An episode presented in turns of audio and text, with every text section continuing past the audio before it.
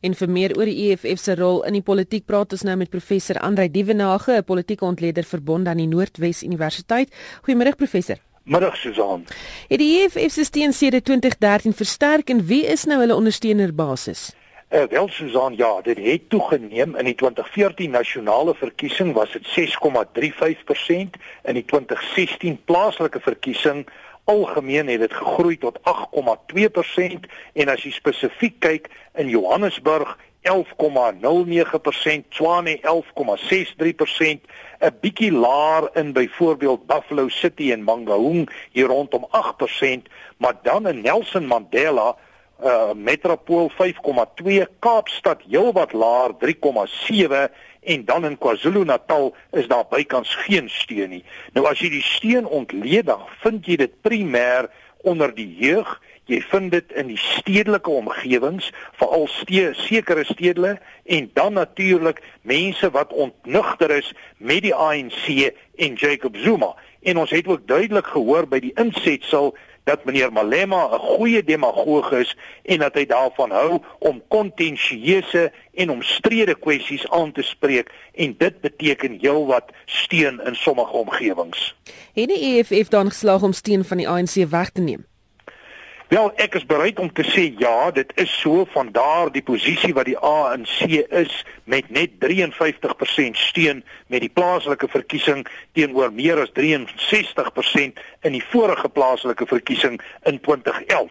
Maar mens moet ook sê dat 'n groot deel van die ANC se probleem hou verband met mense wat apaties is, maar duidelik is die EFF besig om vir swart kiesers 'n alternatief te bring.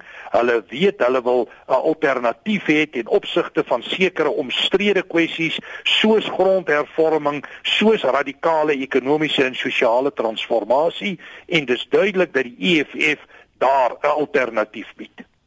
Ehm um, hoe belangrik is die EFF se rol in koalisiepolitiek en die parlement? Dit is baie belangrik en 'n mens kan duidelik sien dat uh, in sekere omgewings is die EFF 'n belangrike vennoot in koalisieregerings met die DA, die Vryheidsfront Plus en ander partye. Maar belangrik om te sê dat die koalisies ervaar moeilikheid en die moeilikheid het te maak met ernstige ideologiese verskille tussen byvoorbeeld die Demokratiese Alliansie en die EFF. Die groot vraag natuurlik oor die EFF en die toekoms van die EFF is hoe hulle hulle gaan posisioneer na die einde van die jaar na afloop van die nasionale konferensie van die ANC. Indien die regte leierskap by uh, die nasionale konferensie van die ANC verkies word, verwag ek dat die EFF baie nouer met die ANC kan saamwerk en selfs kan amalgameer met die ANC onder sekere omstandighede en dit kan 'n baie interessante aspek wees van 'n groter rekonfigurasie van die politieke omgewing. En dan die EFF het stigtersleiers soos Kenny Kuneni en Maclean Munsami nou al verloor. Met dit impak op die party se leierskapstruktuur en kiesersteen gehad. Op hierdie oomblik is die party baie sterk gebou om individue waarvan Julius Malema die belangrikste is. As jy die party ontleed, dan vind jy sy strukture is nie baie sterk nie en my indruk is om meer steun as 10% te kry, kort jy baie sterk strukture. Verder is hulle beleidsalternatiewe nie altyd baie goed ontwikkel en goed deurdink nie. Mense kon dit ook hoor aan die tipe goed wat meneer Malema vroeër in julle program gesê het. Verder is hy ook baie populisties en omstrede en dit is bekend dat hulle provinsiale en ander konferensies dikwels uitloop op gevegte. So saam met die voordele van meneer Malema kom daar ook 'n ander klomp probleme en my oordeel is dat meneer Malema in wese vir hom eintlik maar 'n sterk tuis te soek binne die ANC waarin hy daar 'n rol kan speel en miskien bied daai geleentheid die een of ander tyd vir hom aan, miskien selfs in die nabye toekoms. Speel die EFF 'n rol in die magstryd binne die ANC? Ek het geen twyfel hulle speel 'n rol, hulle speel 'n belangrike rol. My indruk is selfs dat die EFF het eintlik op 'n manier tot stand gekom om groter druk op meneer Zuma van buite af uit te oefen.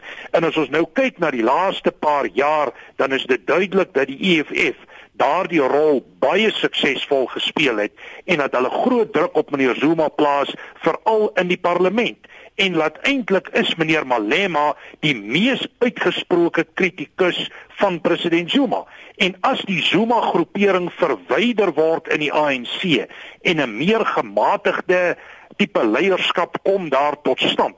En ek weet byvoorbeeld dat uh, meneer Malema baie na staan aan iemand soos Galema Motlanthe, dan dink ek kan daar vir meneer Malema 'n ander posisie vorentoe wees, maar hy speel 'n rol aan die binnekant. Sy verhoudinge met die meeste ANC-lede baie sterk. Ons het weer onlangs bewus geword ten opsigte van die komende mosie van wantroue in Zuma op 8 Augustus dat hy praat van 60 ANC-lede met wie hy gepraat het wat bereid is om onder 'n toestand van geheime stemming teen meneer Zuma te stem. Dit dui op sy invloed binne ANC geleedere.